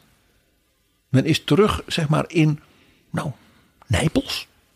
In de tijd dat Nijpels verloor. Eh, Sterker 1986. Zelfs onder de successen van Wiegel in de jaren 70. En nog interessanter, daarmee kan de VVD de grootste partij zijn. Dit betekent dus, PG, dat we geen grote partijen meer hebben. Nee, eh, we hebben straks, als je naar deze peilingen, ook de eerdere peilingen kijkt, en de ene zit er een zeteltje meer en een beetje onder. Dat is mij even worst nu. Maar als je kijkt, de vier grote groeperingen, die zitten samen dus met z'n viertjes op 100 zetels. En dan is nog de vraag of er misschien nog één à twee partijen bij komen die net eh, in de dubbele cijfers komen. Maar de rest is allemaal ja, zetel of vijf, vier, drie, twee, één. Ja. Dus de ontwikkeling die we in het begin wat zagen, van wat ik maar een zekere ontsplintering noem, Ja, partijen rond het midden die weer wat aantrokken ten Die- koste van de kleintjes. die zien we als het ware gedurende deze campagne toch weer aan momentum verliezen. En je ziet dat op twee plekken in dit eh, politiek gebeuren. Eén, op de rechterflank zie je een poging tot concentratie. Eh, waarbij ook die partijen op rechts elkaar relatief ontzien. Je hoort de VVD vooral wat hondenfluitjes, zoals dat heet, eh, fluiten. Eh, BBB doet dat, Omtzigt doet het ook. Richting de kiezers van Ja21, zelfs de SGP, de kiezers van Haga. En zo dacht men ook de kiezers van de PVV. Het was vooral links is een groot gevaar. Eh, links gaat allemaal nare dingen doen. Eh, heel, Ja. heel klassiek ook. De Alsof, VVD heeft natuurlijk gebroken op eh, asiel en migratie. En Dylan Jesselgus zei, nou ja, als we op dit terrein eh, zaken kunnen doen met Wilders... dan is hij wat mij betreft niet melaats. Maar het interessante is dat dat migratiethema op een bepaalde manier ook weer helemaal niet het centrale thema werd. En het was veel meer een soort links is een gevaar. En dat is dus eigenlijk, ja, dat is de campagne van Oud van de VVD in 1959. Dat zijn de campagnes van Wiegel. Ja, En ook die linkse wolk campagne die Rutte meerdere keren probeerde en altijd nooit echt lukte. Wat je dus ook zag was dat mevrouw Jesselgus om die reden het thema wat zij heel groot maakte als minister. Als het grote gevaar, namelijk het wokisme, helemaal weggemoffeld heeft. dat was de H.J. schoollezing. Dat was haar grote ding. Wat je ook ziet, Omtzigt ontdekte hoe zijn aanhang dacht. Want een van de interessante dingen natuurlijk van het nieuw sociaal contract is, dat is dat het nieuw sociaal contract oprichtersleiding geen idee heeft wie hun aanhang zijn. Wie zijn die mensen, zou eh, Sigrid Kaag vragen. Nou, wat bleek? 60% van de aanhang van Omtzigt zegt ja hoor, met de PVV. Terwijl Omtzigt zelf, nog als een, mag ik zeggen, klassieke christendemocraat, zei nee, dat gaan we niet doen. Tegen de rechtsstaat, tegen de vrijheid van godsdienst, eh, zet mensen weg om hun geloof, mag niet. Maar een, groot deel van zijn achterban ja hoor. Dus je ziet dan ook dat Omtzigt naar dat deel van dat electoraat, ook van zijn eigen aanhang, dus het PVV-gezinde deel, dus ook, ook hondenfluitjes laat horen. Nou, uh, Caroline van der Plas deed dat altijd al. Het effect daarvan is, en dat is denk ik niet wat Gus beoogde, is dat zij Geert Wilders op de troon heeft gezet. Want Geert Wilders wordt de kingmaker als je niet oppast. Toch een beetje het idee wat uh, soms uit extreem rechts klonk in het verleden ja, als mensen echt de keuze moeten maken, dan kiezen ze liever voor het origineel. Dus de beroemde quote van Jean-Marie Le Pen. Dat toen Chirac als presidentskandidaat ook begon over de banlieues en er moest hard worden aangepakt tegen de criminaliteit, zei hij. Ha, dat moet meneer Chirac vooral zeggen, zei hij toen. Als de kiezers de optie hebben te kiezen tussen het kopie of het origineel, dan gaan ze voor het origineel. En PG, als we dan naar de linkerkant kijken, dan zien we eigenlijk winst voor D66, voor SP, voor de Partij voor de Dieren. Lichte winst in de peilingen. Ja, D66 gaat iets omhoog uit een heel diep dal. Tuurlijk, ja. maar dat eh, gaat gepaard dus aan het eh, langzaam dalen van GroenLinks Partij van de Arbeid. En uit die kring hoor ik ook wel ja, besmuikte klachten achter de hand van... Uh, zou Timmermans niet wat feller en wat forser en wat radicaler moeten zijn in zijn uitingen. Want hij, moet wel appelleren aan de linkse kiezer. Ja, en wat je hier ziet is dat uh, aan de linkerkant uh, bij zeg maar, de SP, SP-gezinde kiezers de afkeer van Timmermans, die natuurlijk al bij de Europese verkiezingen was gevoed. Maar ook de afkeer tegen al dat groene gedoe, hè, dat vinden ze allemaal niks. En je, je zag dus ook dat Lilian Marijnissen eerder nog met omzicht allerlei fijne de dingen zat te bediscussiëren. Dan op links met Timmermans. En bij de Partij voor de Dieren zie je dat men daar heel openlijk kiest voor een schone handenpolitiek. Wij willen een zuiver klimaat en diervriendelijk beleid. En als dat niet gebeurt, gaan wij met niemand meedoen. Dus die gaan voor de zuiverheidsoptie. En weten daarmee toch blijkbaar hun, een deel van hun kiezers vast te houden. Die dus niet richting, ja, maar we willen eigenlijk toch ook wel een progressief kabinet. Ja, we zien dus niet Den Uyl 1977. Die in die verkiezingscampagne de radicaal linkse partijtjes allemaal oprolden. Die waren bijna niet meer terug te vinden in het nieuwe parlement. Omdat Joop den Uyl ze doodzweeg. Dat was een hele, hele doordachte strategie. En het is duidelijk dat Timmans heeft geprobeerd die strategie te kopiëren. Het probleem is alleen dat hij daarbij vergat de VVD aan te pakken. Want het is natuurlijk een tweesnijdend zwaard. Natuurlijk. En dat mevrouw Jesselgus dus eigenlijk zei: ja, uh, zoals we al eerder vaststelden, uh, Rutte, Kamp, Wiebes, dat zijn volstrekt gefaalde politici. Dat is toch wat ze zegt, de facto. Dat maakt het ook lastig voor Timmermans om te zeggen: ik ben het helemaal eens met mevrouw Jesselgus. Dan zegt ze: ja, maar u, u voert ook geen campagne tegen Erik Wiebes, u voert campagne tegen mij. Dus in die zin is dit onderdeeltje van de VVD-campagne geslaagd, zou je kunnen zeggen de, de Partij van de Arbeid, GroenLinks Partij van de Arbeid, is niet in zicht uh, in een soort van uh, klassieke tweestrijd. Omdat de Partij van de Arbeid daar op een rare manier voor gekozen lijkt te hebben. En wat hij dus wel deed, en dat was. Ik heb er maar één woord voor. En dat mag elke campagne mag, mag een keer een blunder maken. Want dit was hem. Dat was dat Timmermans ging Rob Jetten verwijten dat het kabinet, waarin hij de klimaatminister was, helemaal niks had gedaan op het gebied van klimaat en energie. Rob heeft onderdeel uitgemaakt van een kabinet dat gewoon niets heeft gedaan. We, hebben, we staan in Nederland al duizend dagen stil. Dat is niet waar. Duizend sinds de val van Rutte 3 hebben ze elkaar bezig gehouden, maar is er in het land niet veel. Sorry, maar het eh, planbureau zegt nu dat we met de huidige maatregelen zelfs de doelen kunnen halen. Dus dat er niets is gebeurd. Is waar. Nee, dat, dat klopt, maar dat is niet, niet gebeurd in het huidige kabinet. Dat heeft, die hebben veel ruzie met elkaar gemaakt, maar geen stappen vooruit gezet. Dat was zo patent natuurlijk onzinnig gewoon feitelijk niet waar. Dat het niet alleen voor Rob Jetten relatief makkelijk was om gewoon even te zeggen, nou, zo en zo en zo. Ik moest in eerste instantie eigenlijk lachen toen ik het uh, hoorde. Want de heer Timmermans weet natuurlijk wel beter. Uh, wij hebben met dit kabinet de klimaatdoelen binnen bereik. Zijn zonnekampioen in Europa. Uh, hebben mensen geholpen om hun huis flink te isoleren voor die lage energierekening. En we helpen het bedrijfsleven verduurzamen. Dus ik zou eigenlijk ook willen zeggen, ja, het is een beetje kleine kinderachtig. En de heer Timmermans heeft dit ook niet nodig in de campagne. het meest vermakelijke was dat de energiespecialist in de Tweede Kamer Henry Bontebal degene was die Frans Timmermans echt, nou ja, zoals het heet, affakkelde daarbij. Ja, als hij zegt dat, uh, dat, het, dat, dat duizend dagen niks is gedaan, dan zou ik zeggen hij heeft duizend dagen onder een steen geleefd. En bij Frans Timmermans alleen maar nog kon zeggen van, ja, goede jongen die Bontebal hij heeft ook echt veel verstand van energiebeleid. Auw. Het risico dat dus blijkbaar nu de combi GroenLinks Partij van de Arbeid loopt, is dat de linkse kiezer anders dan in 77, wat meer verleid lijkt tot ik stem voor een goed en zuiver links kloppend hart.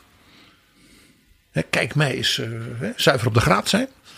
Dan voor wij willen gewoon een progressieve machtsconcentratie. Ja, het is misschien op links ook wel een beetje kip-ei beeld nu.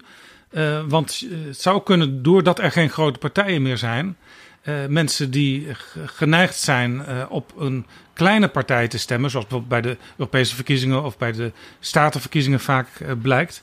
De rem om dat deze keer niet te doen bij de Tweede Kamerverkiezingen weg is. Want ja, Partij van de Arbeid 23 zetels, 24 zetels. Ik kan net zo goed Partij voor de Dieren of SP stemmen, denken sommigen. Jaap, dat is een, denk ik een hele rake observatie. 77 kon omdat Joop den Uyl toen al 43 zetels in de Kamer had. En ja, als je er dan nog 10 bij krijgt, dan heb je dus echt een dominante machtspositie. En de Partij van de Arbeid en GroenLinks hadden er samen 17. En als ze er dus 10 bij hadden gekregen, hadden ze 27 gehad. Ja, en intussen is natuurlijk gebleken, ook tot spijt van Frans Timmermans, dat Omtzigt zo echt een uh, rechtse koers uh, wil varen. Ook in de coalitievorming heeft hij dat bevestigd. Ja, en dan is het voor de kiezers op links uh, is er eigenlijk nog minder noodzaak om achter Timmermans te gaan staan. Dat is wel tragisch. Timmermans wijst het aan, maar doet zichzelf daarmee extra de das om. Ja. Ik wil het ook nog even met jou hebben over dat opmerkelijke verschijnsel van de derde jeugd van Geert Wilders. Ja. Want wat doet hij nu? Weet je nog, hij was milder. Geert Milders. Geert Milders. Hij zou dan dingen in het programma, dat was allemaal niet zo heel erg nodig. En de Koran moest natuurlijk weg en de islam was verschrikkelijk. Maar hij zou eventueel na de uitslag wel bereid zijn te praten, ook zonder dat soort dingen. Ja, hij is bereid die dingen voorlopig in de ijskast te zetten, heeft hij gezegd. En hij wil meeregeren. En sterker nog, hij wil niet meer als gedoogpartner dat doen. Maar nu echt met ministers en staatssecretarissen erbij. Deze hele beweging is helemaal niet iets bijzonders. Of wat krijgen we nou? Kijk goed rond in Europa. In landen waar partijen als de PVV een sterke politieke positie hebben verworven. Italië. En Frankrijk. Marine Le Pen heeft, nadat ze toch afging tegen Macron in de presidentsverkiezingen, een hele bewuste keus gemaakt om dus haar partij milder te maken. Ze ook lievere kleuren in de posters. Haar speeches werden zachter gemaakt. Ja. Ze was ook niet meer voor, zo voor een Frexit. Nee. Ze wilde wel heronderhandelen. Uh, en, de antisemieten werden ook de partij uitgegooid. Er werden mensen de partij uitgezet. Die kwamen dan uiteindelijk bij die meneer Zemmour terecht. Uh, en daar hadden de Fransen een prachtige term voor. De dédémonisation van het Front National. De ontdemonisering. Prachtige term. En dat is precies wat Wilders doet. Wilders zegt ook nu dat hij er trots op is dat hij de Nestor is van de Tweede Kamer. Daar zou hij omheen zijn gelopen, nog maar kort geleden. Maar nu is het juist een medaille die, die hij zichzelf opspelt. En kijk eens naar Giorgia Meloni. Die komt uit de opvolgpartij van de aanhang van Mussolini, de Alleanza Nazionale van Giancarlo Fini. Ja. Die ging een coalitie aan met Silvio Berlusconi. Die partij heeft helemaal diezelfde tactiek gevolgd van dedemonisering. Die jonge minister, Giorgia Meloni, werd de nieuwe partijleider. En wat heeft zij gedaan? Zij hield dus haar toespraken, zeker voor de eigen achterban, altijd even fel. Maar zij zei: Ik ga een coalitie aan met meneer Salvini en meneer Berlusconi. En die titel van die coalitie was Il centro-destra, het centrum rechts. Ja. Alsof ze dus een middenpartij was met wat hier en daar conservatieve dingen. Maar in de praktijk die meneer Salvini van de Lega radicaler was dan zij. Dat leek zo. Weet je nog dat zij bij de dood van Silvio Berlusconi zei: Wij zullen hem nooit vergeten, want hij bracht ons altijd weer bij elkaar. En met zijn politieke wijsheid kwamen er dan samen uit. Met andere woorden, dat is de rol die ik nu voor mijzelf zie. Dus zij werd als het ware een soort Italiaanse polderkoningin. En wat deed ze met de Italiaanse president Mattarella? Natuurlijk, signor presidente, als u wilt dat Mario Draghi achter de schermen feitelijk voor u mij bewaakt dat ik ja, een Europees en uh, anti-Poetin en uh, bondgenootschappelijk beleid voer, dan is dat prima. Dus ook zij is bereid om dingen in de ijskast te zetten. Allemaal in de ijskast. Ondertussen uh, deed ze een aantal dingen waarvan ze donders goed wist, binnenlands, dat haar achterban dacht: ja, daar ging het ons om. Dat, uh, dat Europa, nou, het zal wel. Dat komt misschien wel over een paar jaar als we hè, nog machtiger zijn. Dus wat zij deden, is wat Wilders nu doet. Je veilt als het ware een tikje bij. In je taal, zelfs de kleuren van je posters.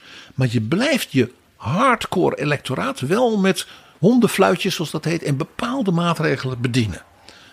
Wilders die ineens zegt: Ja, gaan stoppen met de subsidies voor kunst en cultuur. De publieke omroep wordt helemaal afgeschaft. Die krijgen helemaal geen geld meer. We gaan ook geen ontwikkelingssamenwerking meer doen. En Europa moet gewoon minder geld van Nederland krijgen. Iedereen weet natuurlijk dat dat, dat, dat onzin is. Nou ja, maar het is, het is wel precies het aanstippen hè, van wat het hardcore electoraat van hen wil horen. En al deze voorbeelden zijn de meest extreme vorm van wat ook al wel in het VVD-verkiezingsprogramma staat. VVD wil ook minder publieke omroep. VVD wil ook ontwikkelingssamenwerking bijna helemaal afschaffen. En nieuw sociaal contract wil één hele zender van de publieke omroep minder. Om eens een voorbeeld te geven. En de betogen van BBB en van Omtzigt, hè, zoals geanalyseerd door Hein de Haas in onze editie recent. Over quota en saldo's en nareis na nareis. Ja. Dat legitimeert natuurlijk dat Wilders zegt: ja, dat heb ik altijd gezegd. Dus dat is ook een vorm van dedemonisering. Ja, dat, dat soort partijen die zeggen van het midden te zijn, in feite gewoon datzelfde bedienen. Ja. Ja. Daarbij heeft Wilders natuurlijk één. Ja, je mag mij van verschillend cynisme beschuldigen. En dan heb je misschien nog gelijk ook. Maar Wilders heeft natuurlijk een campagneleider. En die heet Hamas. Hamas? Ja. De toestanden in het Midden-Oosten en de verschrikkingen daar. Wilders hoeft er niet eens over te praten. He? Hij hoeft alleen maar te kijken. Dan zeggen, heb ik het niet gezegd? En in die zin is dus Greta Thunberg het ergste wat Frans Timmermans kon overkomen in de klimaat- en energiewende betogen. Ja, de, de, de plotselinge opkomst uh, vorig weekend, een week geleden, uh, in de demonstratie voor een snellere klimaatwende van het Midden-Oosten conflict. Oh, climate justice on occupied land. No climate justice on occupied land. En het interessante is dus, Jaap, dat je het Midden-Oosten conflict de spanningen, de oorlog en alle ellende daar in onze campagne verder geen rol speelt. Behalve de identiteitsimpact ervan binnen Nederland. Zo speelt het rol. En dat helpt natuurlijk Wilders. PG, die oorlog uh, speelt geen rol in debatten. In ieder geval niet op het hoogste niveau. Uh, datzelfde geldt voor Oekraïne. Als we nou ergens mee bezig zijn geweest de afgelopen jaren, was het Oekraïne. De Kamer vergaderde voortdurend over. Ministers reisden af en aan. De president van Oekraïne kwam in de Tweede Kamer via het scherm en ook nog echt. Maar niks daarvan in de campagne. De consequenties van deze oorlog voor de rol van Nederland in het bondgenootschap in Europa en geopolitiek wordt niet één keer bediscussieerd of benoemd. Ja, vroeger heb ik wel eens gezien dat een nationale campagne naadloos overging in de Europese en andersom. Uh, volgend jaar hebben we de Europese campagne. Die begint in feite al, als de kabinetsformatie lang duurt, in de formatie. Dan zou je zeggen, ja, uh, maak dan alvast een paar baantjes vrij voor delen van die campagne. Zodat straks de lijsttrekkers en ook de politieke leiders nationaal daarop voort kunnen borduren. Maar niks gebeurt daarvan. Nog opvallender jaar. Frans Timmermans kreeg van alle kanten kritiek op het feit dat hij op een topconferentie van premiers en politieke leiders van de sociaal-democratische familie in Malaga was geweest. Alsof Frans Timmermans niet ten eerste de spitsenkandidaat was geweest bij die vorige Europese verkiezingen. Ja. De nummer één tot voor kort leidersfiguur van die familie binnen, uh, zeg maar, in Brussel, hè, Europese Commissie uh, en, en alles. Ja. En als aspirant premier natuurlijk het volstrekt voor de hand ligt dat hij zegt: ik zorg dat ik mijn relatienetwerk met een Pedro Sanchez, met uh, Olaf Scholz en dergelijke, dat ik dat heel nauw hou. Alsof dat niet hoort bij een politiek leider die ook nog zegt: Ik wil mijn ervaring inzetten hè, als minister-president. Men ging hem verwijten dat hij naar het buitenland ging. Dat is dus uiterst merkwaardig. En ook hier weer, dat helpt natuurlijk de, nou mag ik zeggen, wat xenofobe aangelegde partijen. Buitenland is vies, buitenland is eng. Ja. Nou, je zag ook uh, de VVD, jij wees daarop naar, die zei: we gaan helemaal schrappen uh, de ontwikkelingssamenwerking, dat hoeft niet meer. Toen werd er dus een minister in het kabinet gevraagd, namelijk mevrouw Schrijnemacher. Die daarover gaat, minister voor Buitenlandse Handel en Ontwikkelingssamenwerking. Ja, wat betekent dit nou voor uw internationaal beleid? En dan meer in het bijzonder, dus dat handelsbeleid hè, van Nederland als mercantiele natie al even natuurlijk ongeveer voorop heeft staan in, in, in zijn ontwikkeling. Ja, zij moest toegeven. Ja, zij had dat ook gezien in die CPB-doorrekening van de VVD. Dus ze wist er blijkbaar niets van. En ja, ze had ook net een hele belangrijke regeringsnota uitgebracht. Met een soort visionair verhaal over hoe Nederland dat handelsbeleid en ontwikkelingssamenwerking, met name in dus opkomende, goed lopende landen, ook in Afrika en in Azië, zou gaan versterken. Ja, dat was juist ook het idee al heel lang geleden binnen de VVD. We moeten die handel en die ontwikkelingssamenwerking veel meer koppelen. En daar heeft de VVD lang om geroepen. En uh, nu is het eindelijk zover en schaft de VVD uh, de hele ontwikkelingssamenwerking af. Uh, gekker nog, het is zelfs een ding wat heel nadrukkelijk, zeg maar, ook de lange termijn beleidslijn is van bijvoorbeeld de Europese Commissie van Ursula von der Leyen. Met die nieuwe Finse eurocommissaris, die mevrouw, die dat met name ook heel krachtig doet. Ja, ik heb in de jaren 80 en 90 VVD'ers geïnterviewd over dit thema. En toen ging het er altijd over. Je moet dat niet zo scheiden, ontwikkelingssamenwerking en buitenlandse handel. Dat gaat hand in hand. Ook dit dus geen onderwerp. En sterker nog, men heeft het gewoon letterlijk geschrapt. En dat Wilders dat al lang deed, dat wisten we. Mag ik toch even aandacht vragen voor een mooie uitzondering hier? En dat is Henry Bontebal van het CDA. Die heeft een zeer indringende, uitvoerige lezing gehouden over hoe hij de plek van Nederland in Europa ziet. En ook hoe Nederland in Europa en dingen moet aanmoedigen. En dingen moet zeggen van kijk hier nog eens even kritisch naar vrienden. En dat was dus wel zo'n opmaat voor de campagne van het CDA en ook zeg maar de Europese Volkspartij. Richting de euroverkiezingen. Maar heel duidelijk vanuit eerst bij de nationale verkiezingen met elkaar de diepte in over wat is onze rol in deze tijd. Ook in deze tijd van oorlog. Dus ja, ik vind dat zeer te waarderen. Hij heeft vervolgens een heel intens debat gevoerd met Dassen van Volt. Ja, omdat ze alle twee tegen elkaar zeiden: wij vinden het eigenlijk toch niet kunnen dat dit thema gewoon niet aan de orde is. Terwijl het zo cruciaal is. Dan gaan we het gewoon maar samen doen. In de podcast Europa draait door van de VPRO. En wat ook heel leuk was, was dat die lezing van Bontebal werd geopend, werd afgerond met het aanhalen van Timothy Garton Ash in zijn nieuwe boek Homeland. Die wij ook uh, in Trouwbare Bronnen als gast hebben gehad. Precies. Hoi, ik ben Alexander Klupping. Ik weet dat jij, net als ik, met heel veel plezier luistert naar Betrouwbare Bronnen. Maar je zou Jaap en PG echt helpen als je nu vriend van de show wordt. Dat kan met een donatie per maand of per jaar. En dan kunnen ze nog veel meer afleveringen maken en zeg nou zelf, dat wil jij ook. Dus ga nu naar vriendvandeshow.nl slash bb en doe het niet straks, maar nu. PG, we gaan naar het einde. Ik heb uh, op mijn televisie een knopje ingedrukt waardoor ik alle uh, zendtijd voor politieke partijen filmpjes de hele dag zie.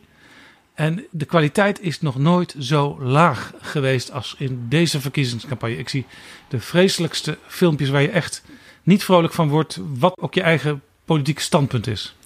Weet je wat mij zo opviel? Ik heb van allerlei kandidaten de meest schaamteloze plagiaat in de televisie en politieke filmpjesgeschiedenis gezien. Namelijk met je jas aan, een beetje wandelend door een stad. Terwijl je een soort dialoog interieur hebt. Je bent met jezelf in gesprek. Jaap, je begrijpt wat ik bedoel. Hans van Mierlo met dat allereerste campagnefilmpje. Wandelend langs de Amsterdamse grachten. We waren ongerust. Over de politieke situatie in ons land. Over de verwarring en de ondoorzichtigheid. Over de tanende invloed van de kiezers. Over de ontoereikendheid van de verouderde politieke spelregels. Over de onbewegelijkheid en de verstarring van het partijenstelsel. Over altijd maar weer hetzelfde gezuur en hetzelfde geharrewar in regering en Tweede Kamer. Op weg overigens naar een televisiestudio waar hij dan het echte praatje zou doen. Maar het filmpje was belangrijker dan dat praatje. En dat filmpje herinneren we ons nu, 55 jaar later, nog steeds. En het is door allerlei kandidaten geplagieerd. Een wel hele mooie versie is die van mevrouw Moorman.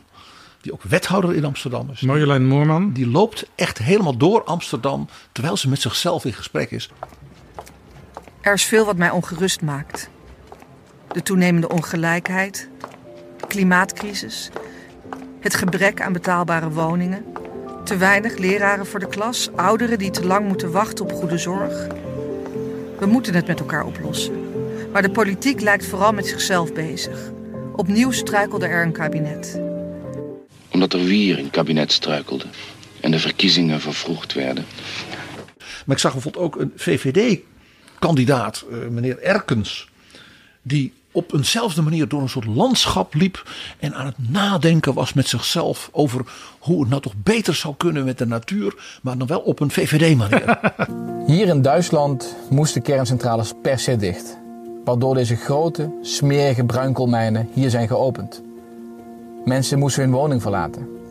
De CO2-uitstoot in Duitsland is omhoog gegaan. En de industrie lijdt onder de hoge energieprijzen. Dit soort ondoordachte politieke besluiten moeten we niet willen in ons eigen land. Ik wil juist dat de politiek duidelijke keuzes durft te maken. Om te zorgen. Als je erop gaat letten, dan, dan, dan ontstaat er. Bij mij ontstaat er een soort hilariteit. Van uh, dat men de fantasie zo beperkt is dat men dit zo heerlijk schaamteloos doet. En ja, dat is eigenlijk niet helemaal zo gek. Ik zie ook wel een soort hafmoïsering van deze campagne, Jaap.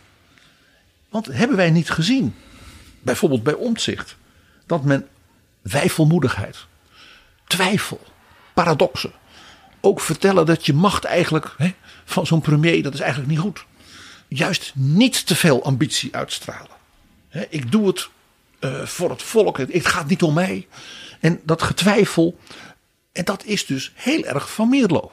Sterker nog, PG, Van Mierlo had natuurlijk een enorme verkiezingsuitslag in 1994, toen Paars aan de macht kwam. D66 haalde toen 24 zetels, het hoogste aantal ooit toen. Dat is alleen maar geëvenaard uh, in 2021 door Sigrid Kaag.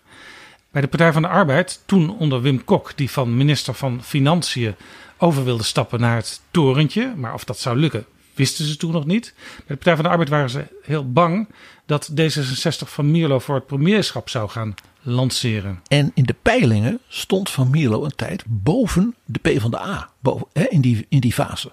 Ik citeer uit een boek over de campagne 94, uitgegeven door D66. De campagneleider van toen Lennart van der Meulen. Wij kwamen hem onlangs tegen uh, in Utrecht bij Bernie Sanders. Ik citeer: Hans van Mierlo was zeer terughoudend als het ging om een campagne rond zijn persoon. Hij vond dat de keus kies de minister-president niet deugt.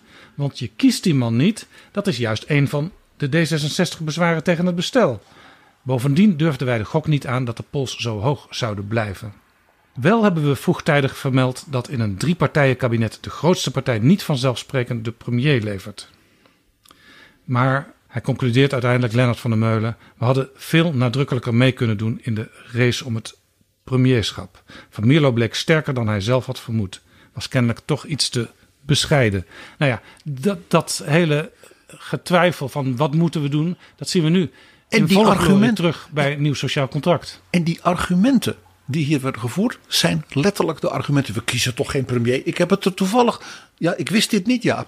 Ja, bij Van Precies is- die argumenten hoor is je. de nu. redenering dus wel andersom. Hè? Hij zegt dat is juist een bezwaar dat we dat in Nederland niet doen. Maar ja, als we het niet doen, dan moeten we ook niet pretenderen dat we het doen. En bij omzicht is het meer een soort van tevredenheid. We, we, we kiezen hem niet en dat is goed zo. En ik hou mijn kaarten tegen de borst. Ik wil de kiezer in feite niet transparant en open een contract laten tekenen. Dus in de woorden van Van Mierlo zat een typische Van Mierlo-paradox. Ik ben juist tegen dat bestel. En daarom ga ik dus het niet doen. En bij omzicht zit er dus ook een paradox in. Ja, Namelijk zag- dat zijn pleidooien voor die, die nieuwe bestuurscultuur.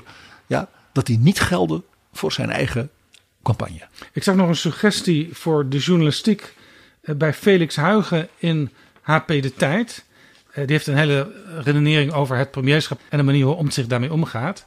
Hij zegt, een journalist zou eens aan Omtzigt moeten vragen of hij een premierschap van Jesselgus of Timmermans bij voorbaat zal steunen als die partij de grootste wordt. Misschien is het wel zo, PG, denk ik dan, daarop voortredenerend. Dat wie er ook de grootste wordt, dat maakt Omtzigt eigenlijk niet uit. Hij wil een heel ander type minister-president, een veel minder politieke vorm daaraan gevend. Misschien moet die premier wel helemaal niet van een bestaande kandidaatlijst afkomen, maar echt van buiten. Dat zou in de kabinetsformatie nog wel eens een verrassing kunnen zijn. Een soort schermerhorn. Zoiets. Dat was een, een meneer die ineens na de Tweede Wereldoorlog eh, premier werd. Een beetje vergeten. Daarna is natuurlijk vooral Drees in zicht gekomen. Die zat daar ook al bij. Maar die was ook van zo'n nieuwe volksbeweging.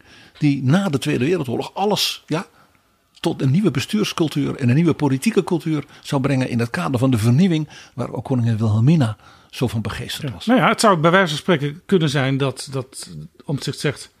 kunnen we de heer Remkes niet vragen of die premier wil worden? Want die wil ook een andere bestuurscultuur. Maar dan zegt Caroline van der Plas alleen voor in het binnenland. Johan Remkes. Dan moet er iemand anders premier worden voor het buitenland. PG, nu we toch een beetje aan het eh, voorspellen zijn... wat natuurlijk helemaal niet des betrouwbare bronnens is... Ik ben niks aan het voorspellen hoor Jaap. Eh, we weten natuurlijk meer straks als de uitslag er is... eh, in de nacht van woensdag op donderdag. En misschien weten we dan ook op een bepaalde manier nog steeds niks. Ja. En daar, daarom neem ik even de gelegenheid te baat eh, al even iets eh, formatieachtigs eh, te zeggen. Kijk, Omtzigt zegt nu steeds dat hij niet met de PVV wil. Tegelijkertijd horen we Wilders zeggen: Ik wil nu eens een keer echt regeren. Dus echt met ministers en staatssecretarissen. Dan zijn er dus twee mogelijkheden, Jaap. Die ene mogelijkheid is dat Omtzigt inderdaad niet alleen de Maxime Verhagen van het eerste kabinet Balkenende wordt, maar ook nog de Maxime Verhagen van het eerste kabinet Rutte. Ik denk dat jij een- beetje op de lijn zit eh, waar ik ook over na heb gedacht, eh, PG. Dat we een, een andere vorm van gedoogconstructie krijgen. Namelijk Omtzigt die blijft gewoon met zijn fractie in het parlement. Wat hij ook zo graag wil. En die zegt, eh, wij steunen het kabinet. Wij kijken welwillend naar elk voorstel wat er uit het kabinet komt. We gaan niet van tevoren zeggen, 20 pagina's, 30 pagina's, eh, daar zetten wij onze handtekening onder. En wij kijken gewoon wat de premier met die coalitie van, ik noem maar wat, VVD, PVV, BBB voorstelt. Dat zou natuurlijk helemaal kunnen. En dan zou je dus hetzelfde krijgen als destijds bij Rutte 1. Namelijk dat die drie partijen, Jesselgus, Mona Keizer, Geert Wilders, dat die een coalitieovereenkomst sluiten. En dat ze met z'n drietjes, als zeg maar collectief, een gedoogakkoord maken met nieuw sociaal contract. Waarin ze bijvoorbeeld beloven dat ze initiatieven gaan nemen tot de oprichting van een constitutioneel hof. eh, en dergelijke dingen. Precies, dus niet een enorm coalitieakkoord, maar meer, ja, Rutte zou het noemen, een inlegvelletje voor Pieter Omtzigt. Onthoud Jaap, VVD en CDA hadden in 2010 een compleet regeerakkoord. Ze hadden met Wilders een gedoogakkoord. Waarbij dus hele delen van het regeerakkoord niet werden behandeld. Omdat die niet onderdeel waren van dingen waar Wilders bijvoorbeeld iets mee wilde. Ja. Ik noem eens wat het onderwijsbeleid en dergelijke. Maar het werk van minister Leers, dat werd en detail in dat gedoogakkoord eh, bepaald. Ja, nou, gedoogakkoord, zo zal het dan niet meer heten, want het moet wel een nieuwe bestuurscultuur zijn. Dus dat wordt een ander woord. Maar de facto zou dat hetzelfde zijn. En dan kan Pieter Omtzigt zeggen: Ik heb toch al in de campagne gezegd dat dat premierschap voor mij helemaal niet zo belangrijk is. Sterker nog, de Tweede Kamer vind ik het belangrijkst. Nou, ik heb gezegd dat ik een stellige voorkeur heb om fractievoorzitter te zijn. Nou, en dat laat ik hiermee zien. Zodat we weer zijn, Jaap. In die tijdloze, diepe wijsheid van Don Fabrizio. In de tijgerkat van Lampedusa. Alles moet anders worden, opdat het allemaal hetzelfde blijft. Dankjewel, PG.